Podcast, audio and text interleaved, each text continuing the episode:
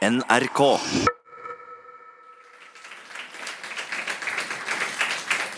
Velkommen til debatt her på Litteraturhuset om sorteringssamfunnet i regi Menneskeverd og Civita. Mitt navn er Erik Løkke. Jeg skal være møteleder. I panelet har vi Kristin Halvorsen, leder av Bioteknologirådet, forfatter Torvald Steen, rådgiver for Høyre på Stortinget Therese Lerøen og Bjørn Hoffmann, professor i medisinsk filosofi og eh, etikk. Therese Lerøen, jeg, jeg, starter med deg. Jeg. Du har jo en lillebror som har Downs. og Du har gjort deg noen erfaringer om hvordan det er å være i et samfunn. Eh, to spørsmål, egentlig. Hvordan synes du samfunnet eh, hvordan synes du samfunnet takler det å ha, ha, downs? eller Hvordan har de blitt møtt? Og hva tenker du samfunnet kan gjøre for at det skal bli lettest mulig for familier sånn som din? Jeg syns jo samfunnet, sånn enkeltindivider i samfunnet, er jo utrolig hyggelige. Selvfølgelig. Det, det, er jo en glede å skulle gå rundt på gata eller legge ut et bilde på Facebook for eksempel, av lillebroren min. Det er jo ingenting jeg får mer, mer, likes på på Facebook enn et bilde av han, så det er jo egentlig litt sånn urettferdig. Um, så hvis jeg har en dårlig dag, så legger jeg ut et bilde av han. Um, men uh, når det kommer til systemet og selve oppfølgingen av uh, han som en innbygger i en kommune, f.eks., uh, så står det litt uh, verre til. og jeg tror kanskje det største problemet er at det er utrolig stor variasjon i kvaliteten på tilbudene til kommunen. Om det så gjelder bolig, om det gjelder jobb, om det gjelder fritidsaktiviteter og generell eh, oppfølging. Så der har vi møtt på en del eh, utfordringer eh, opp igjennom. Vi kjenner veldig mange familier i tilsvarende eh, situasjoner som gjør det. Uh, familier som gjerne har fått bolig til sin sønn eller sin datter, men som fremdeles må kjøre til boligen for å hente sønnen eller dattera for å kjøre den på håndballtrening. Um, så man slutter på en måte ikke helt å være forelder, sånn som det er i dag. Mm. Hva tenker du samfunnet kan gjøre for at uh, det skal bli lettere? Har du noen sånn ideer basert på dine erfaringer? Det er sånn quick fix. Uh, bruk mer penger på ting som funker. Så det, det, er jo egentlig bunn og grunn det, det det handler om. Altså at Man er nødt til å prioritere nok ressurser til å gi disse menneskene et innholdsrikt eh, liv. Og det er jo sånn som mamma sier, hun gruer seg utrolig mye til den dagen hun og pappa forsvinner. Hvis jeg ennå bor i Oslo, og det er jo heller ikke mitt ansvar å skulle ta vare på min bror, som da gjerne er liksom 45. Så de gruer seg jo allerede nå til å på en måte forlate denne kloden med, med, det å vite at de forlater et uh, voksent uh, barn som blir sittende i en leilighet fordi at det er et samfunn som ikke stiller opp. Bjørn Hoffmann, temaet her er jo sorteringssamfunnet. Men er det ikke naturlig at vi som samfunn ønsker å sortere bort egenskaper vi forbinder med, med lidelse? Er det ikke noe man tenker veldig naturlig at samfunnet skal bruke mye penger på og ressurser på? At man sorterer bort lidelse. I den grad man kan det, så er det jo et gode, vil mange si. Men spørsmålet da blir jo selvfølgelig hvem definerer lidelse? Hvem vurderer det, og hvilke kriterier gjøres det ut fra?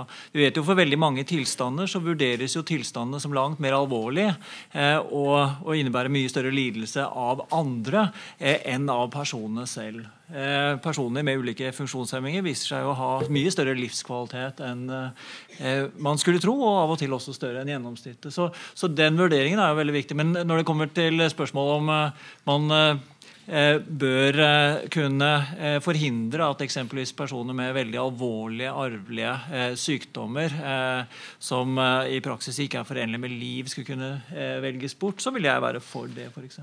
Mm. Torvald, Torvald Steen, eh, som sagt temaet er jo sorteringssamfunnet. Eh, men tenker du at man kan gå for langt her i å ønske å sortere bort uønska egenskaper? Jeg mener at uh, hoved, hovedtendensen nå er jo heller at det sorteres vekk i stor, stor grad, og at det er heller der fokuset bør være. Jeg er ikke bekymret for at det skal bli sortert for lite. Tendensen er det stikk motsatte. Og det er ikke noe som bare gjelder Norge. Dette er en global trend, og det styres av de største økonomiene. Derfor så er eh, det heroisk at noen i Norge i det hele tatt prøver å reise kamp mot dette. For jeg mener det er en kvalitet i seg selv at noen av oss er annerledes.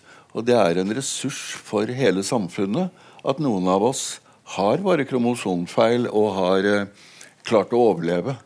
Og selv har jeg hatt stor hjelp av folk som er annerledes og ikke mainstream, eh, både i mitt eget liv og for eh, kunstnerisk virksomhet og annen virksomhet.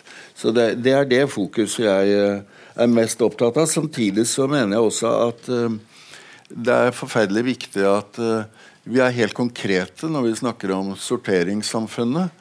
Og I den sammenhengen så syns jeg at akkurat her og nå at pleiepengeordningen er et sånt ytterst konkret eksempel på at det er et mulighet for samfunnet å vise at vi støtter de som lever under den situasjonen og har barn som har Downs eller andre sykdommer. Et oppfølgingsspørsmål. Tenker du, hvem tenker du har ansvar for at det er blitt så mye sortering? Er det f.eks.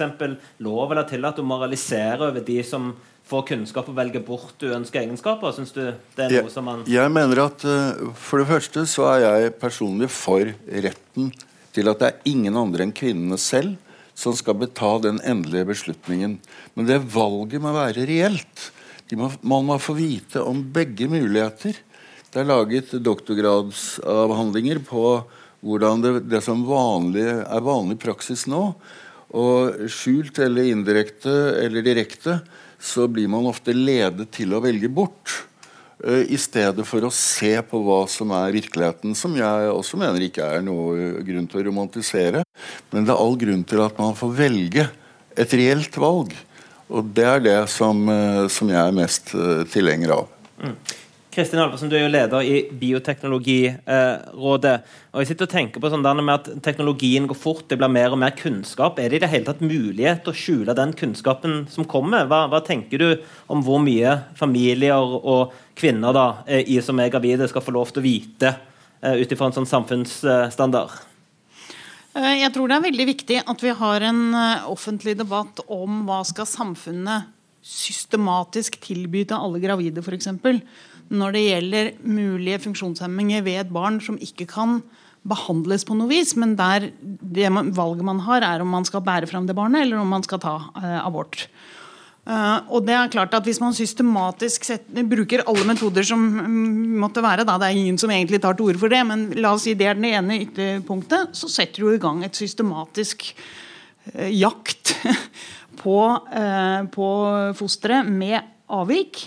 Eh, og når ikke det er mulig å behandle på noe behandle på en måte, men hvor alternativet er eh, abort, så vil jo det være en veldig sterk beskjed fra et samfunn om at det er individer som egentlig ikke er ønsket. Men det er jo ikke der vi er. Vi er jo inn i en slags sånn øh, noen, noen dilemmaer, fordi at alle ønsker seg jo et friskt barn. Uh, og jeg tror jo at veldig mye av det valget man eventuelt tar, det gjør man i det øyeblikket man uh, velger å ta en test. Og den testen er i dag en ganske komplisert uh, test for de fleste. Det er enten en prøve av fostervann eller morkake, men, men i ganske langt ute i svangerskapet og med risiko for en spontanabort. Men det er ikke lenge til, og vi starter allerede nå å teste ut om metoden kan være en blodprøve av mor som sier noe om barnets arveanlegg eller tilstand. Uh, og da vil du komme i en helt annen, uh, en helt annen valgsituasjon. Jeg mener det er riktig at man tilbyr den minst risikofylte testen hvis man først skal ha mulighet til å få en test. Men det er klart at hvis den etter hvert blir en, en mulighet for alle, så er vi, er vi, på en måte på jakt, systematisk på jakt etter, etter barn med avvik.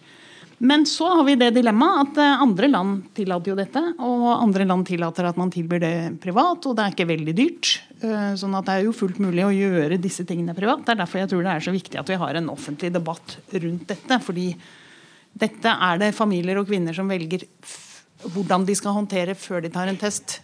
Eh, snarere enn etter.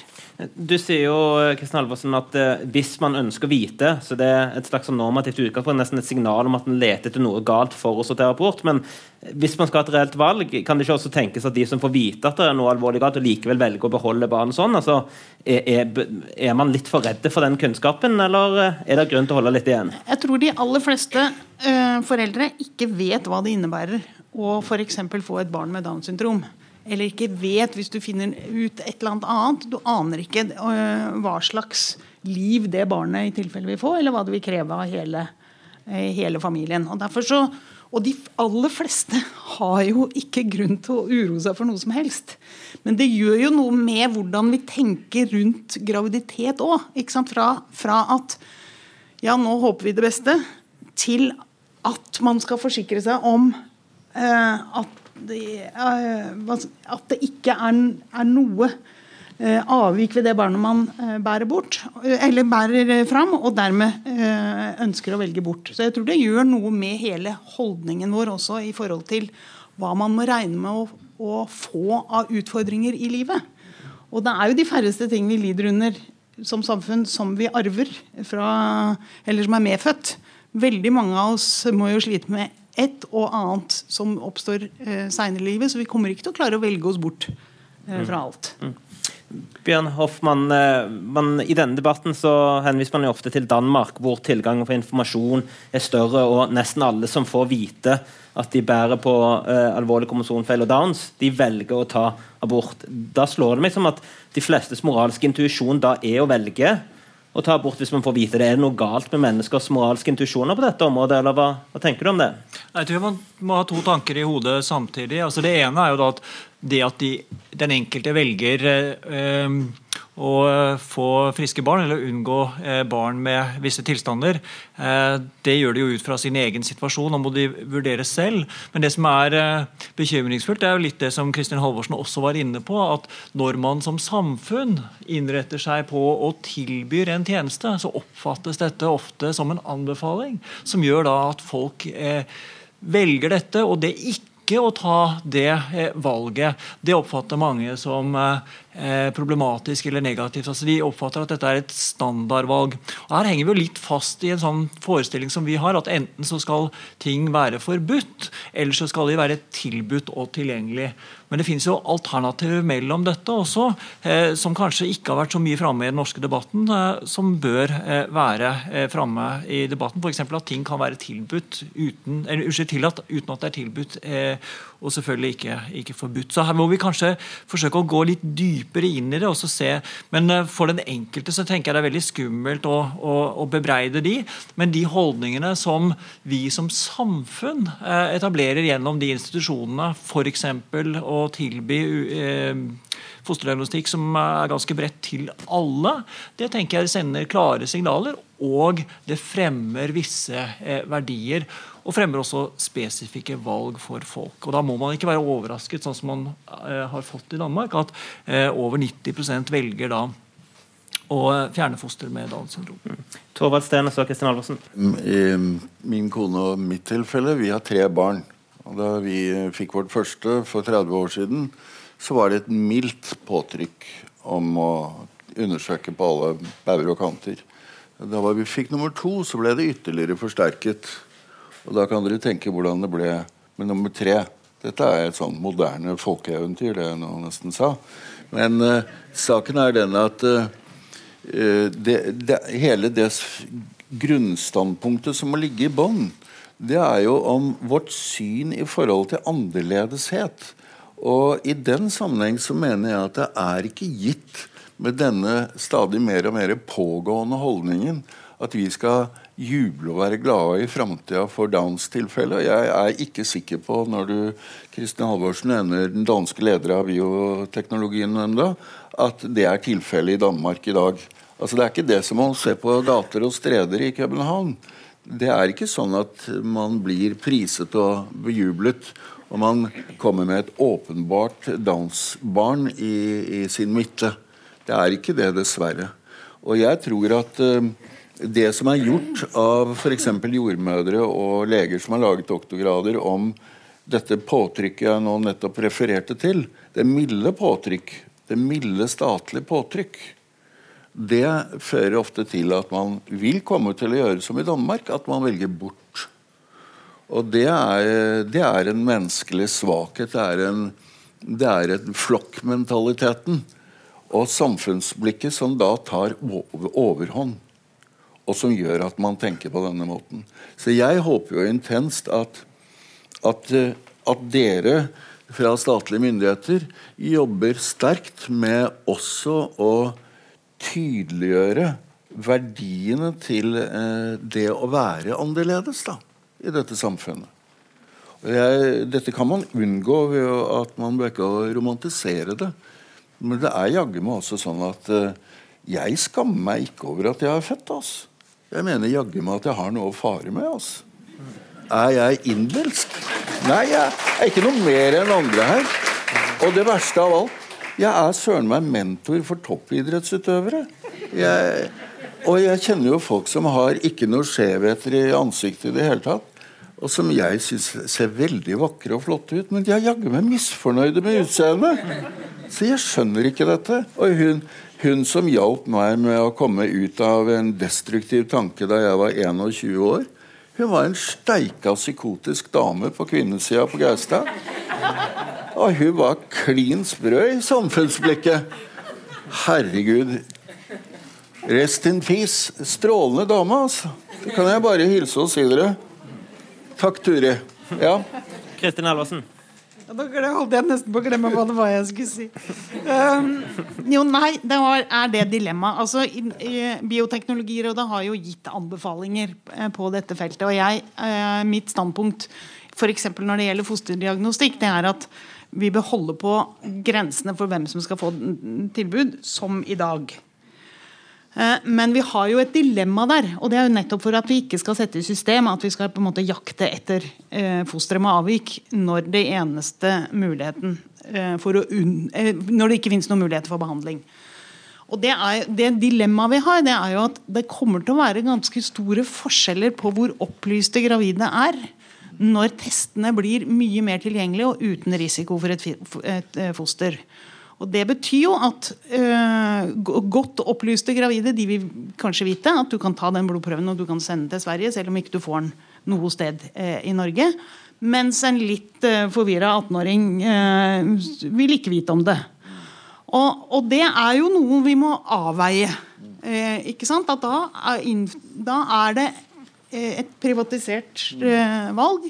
Samfunnet sender ingen noen opplysninger eh, eller noen klare holdninger eh, på hvem som er ønsket og, og, ikke ønsket. Men vi kommer i noen andre typer dilemmaer. Så det er, det er vanskelig spørsmål, dette her. Men det viktige er jo å ha debatten. Du hører på Civita Menneskeverd sin debatt på Litteraturhuset om sorteringssamfunnet. Da skal Therese få ordet, og deretter Bjørn Hoffmann. Takk.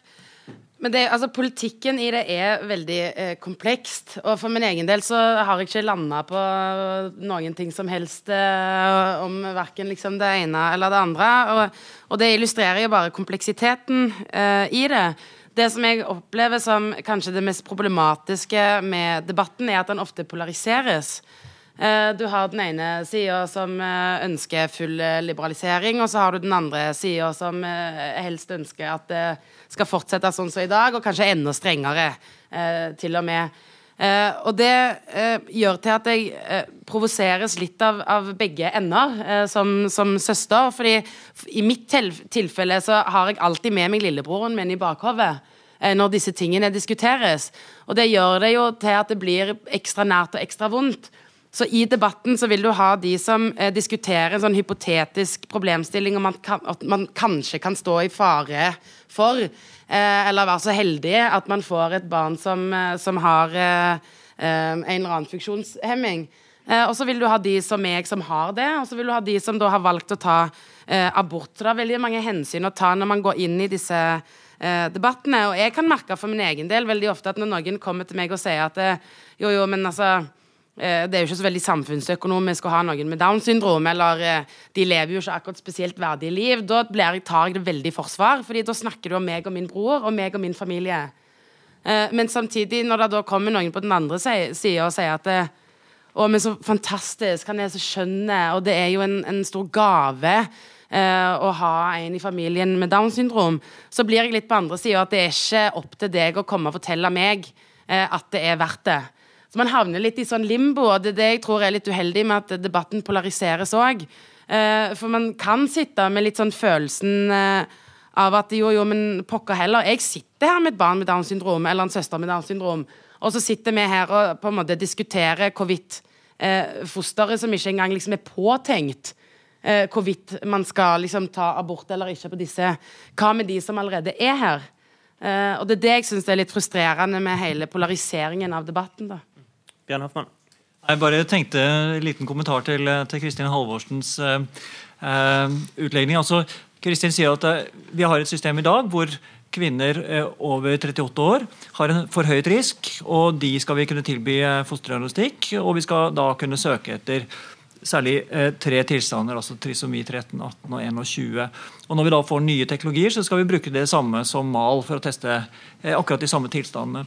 Men det er da viktig å huske på seg at eh, opprinnelig så var det jo nettopp fordi vi hadde og fikk teknologier som muliggjorde testing av akkurat de tre tilstandene, som gjorde at eh, det er de som blir testet. Og det som er Poenget nå er at nå får vi ny teknologi som gjør det mulig å teste mange mange flere. Eh, og da kan vi ikke lenger liksom bare skyve det at ja, men vi har et system som tester for tre spesifikke tilstander. Da må vi ta den diskusjonen på alvor om at ja, men hvilke tilstander? Hvilke kriterier skal vi stille for de tilstandene vi skal søke etter? Med god grunn. Og gi folk informasjon om, og de som vi ikke skal. Så jeg tenker at Det er litt å stikke hodet i sanden. Vi må ta den grunnleggende debatten på alvor. Altså Hva betyr alvorlig arvelig sykdom, og hvordan skal vi operasjonalisere det. Det tenker jeg at Vi kan ikke, i hvert fall i lengden, klare å eh, ro oss unna det spørsmålet. En liten oppfølging til deg, Kristian Alvorsen, akkurat på det som Bjørn Hoffmann her sier. Eh, og jeg tenker jo også at Når man har sagt eh, at de over 38 år og de som er særlig utsatt risiko, de får sånne tester, er ikke det allerede å sende et lite signal til samfunnet da, at man skal drive med sortering? Uh, jo, og det tror jeg ikke det finnes noe politisk parti som mener at man skal endre på. Fordi at uh, det, har, vi, det er, har det vært diskusjon om, og det har man på en måte levd med uh, over en stund. Men Bjørn har jo helt rett i at dette utfordres både i forhold til hva slags tilstander det er man, man sjekker etter, og kanskje da også i neste runde på hvem det er som skal få, få det tilbudet. Og jeg de to andre gruppene som har mulighet til å få det tilbudet, det er familier med alvorlig arvelig eh, sykdom. Og da tenker jeg at det er de familiene som kanskje ellers ikke ville ha turt å få barn. Eller som er de som er de nærmeste ekspertene, i hvert fall.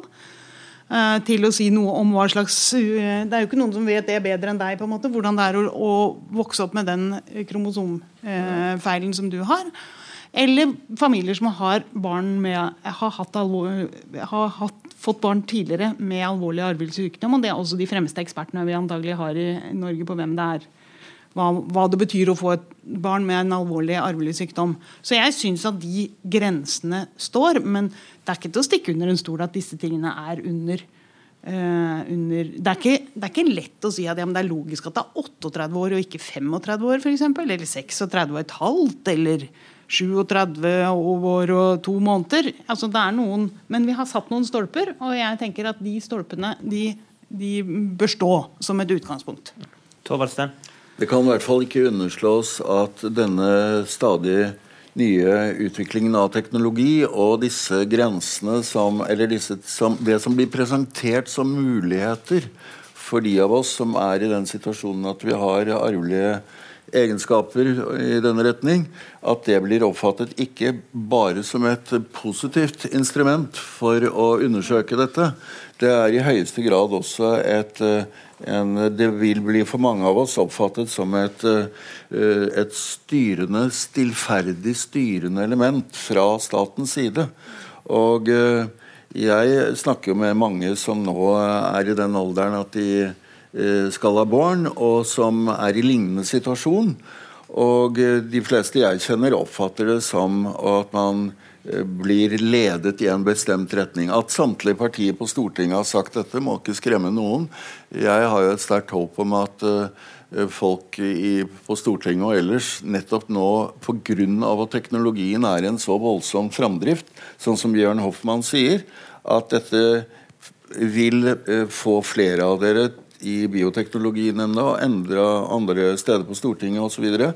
til at man må gå inn i den verdikampen eller verdispørsmålene om eh, hva slags samfunn vi vil ha i framtida. For eh, mange blir også faktisk eh, eh knust nedfor over at de har valgt bort før eh, de, altså, de har ikke følt at de har hatt et reelt valg. At de belaster samfunnet ved å føre fram barnet. Og så viser det at de av oss som har gjort det likevel, vi har klart å leve lykkelige liv. Og selv om vi er litt skakke og rare fugler, noen av oss.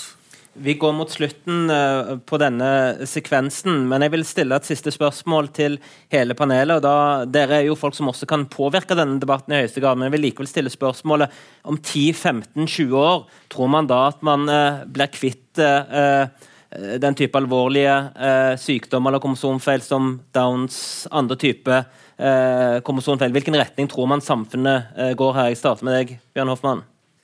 Jeg er forsker og egner meg utrolig dårlig som profet. altså. Men frykter du det? Eh, det er klart det er eh, altså det vi ser, og det er jo det eh, Kristin sier, at ja, vi må holde på de tilstandene vi, som, som, vi søker for i dag. Jeg tror at trykket kommer til å bli veldig mye større med tanke på tilstander som man kan og ønsker å søke etter. Og Begrunnelsen er veldig enkel. og det er jo at jo, men det fins andre tilstander som er minst like alvorlige som trisomé 21, og som det er mulig å søke etter, og som mange godt kunne tenke seg å søke etter. Så hvorfor skal ikke de få tilbud om det? Jeg tror det presset kommer til å bli ganske stort. og Hvis man ikke har tatt den debatten på forhånd, så kommer vi i hvert fall ikke til å ha mye motstand mot mot eh, å eh, holde igjen der. Ja, Therese, du er den yngste i panelet her. Hva tenker du om, om framtiden på dette området? Ja, nei, Om 10-15 eh, år så har jeg fremdeles en lillebror med Downs, så vi er jo på en måte ikke kvitt han, i hvert fall. Uavhengig av hvordan dette går, håper jeg, da. Det, livet er uforutsigbart. Men mulig at vi har gitt kvinner mer tilgang på informasjon om foster. Det er opp til Stortinget å bestemme. Det er en debatt som foregår i i mange partier i samfunnet for øvrig, og som skaper åpenbart liksom, eh, stort engasjement. Eh, men det er jo ikke dermed sagt at alle likevel velger å ta abort. Og jeg tror at hvis vi som samfunn eh, klarer å ta på en måte samfunnsoppdraget vårt eh, på en litt bedre måte enn det vi gjør i dag, så tror jeg det vil være enklere uavhengig av eh, hvilken retning teknologien går, å velge eh, å bære fram barn med f.eks. Downs syndrom. Ja, 30 sekunder, Kristin Alvorsen. Hva tror du om, om, fremtiden? Jeg tror det blir mye mer privatisert. for jeg tror at uh, Nå har f.eks. disse blodprøvene av mor, som kan si noe om barns uh, egenskaper, de har kommet så langt at det kommer til å være mange flere som har muligheten til å ta den typen blodprøver, selv om ikke det tilbys noe sted. Selv om det til og med er forbudt. Og tilby dem f.eks. For, for å sjekke på kjønn, da, som vil alle vil mene er en en sak som ikke skal gi grunnlag for abort, så er det tilbud som kan finnes eh, i land veldig nær oss. og Derfor så tror jeg at folk må tenke gjennom hva slags tester man ønsker å gjennomføre før man tar den testen. Og hva man har tenkt å gjøre med det resultatet. for i det øyeblikk du jakter etter den typen informasjon, så har du antagelig også konkludert. Så det er det derre testsamfunnet der vi prøver å forsikre oss mot alt vanskelig som kan skje, som jeg tror det er en overordna grunn til å, å, bekjempe. Og det må vi klare samtidig som alle ønsker seg å være friske og ønsker seg friske barn som alltid er lykkelige herfra til evigheten. Ja, eh, Vi må rett og slett eh, stoppe der, for da har tida gått fra oss i denne sekvensen. Da vil jeg takke Bjørn Hoffmann, som er Nå skal jeg få den rette tittelen òg. Eh, det er professor i medisinsk etikk. Og så er Therese Lerøen rådgiver på, for Høyre på Stortinget. Kristin Halvorsen, som er leder i Bioteknologirådet. Og Torvald Steen, som er forfatter. Så da kan vi gi alle sammen en god applaus.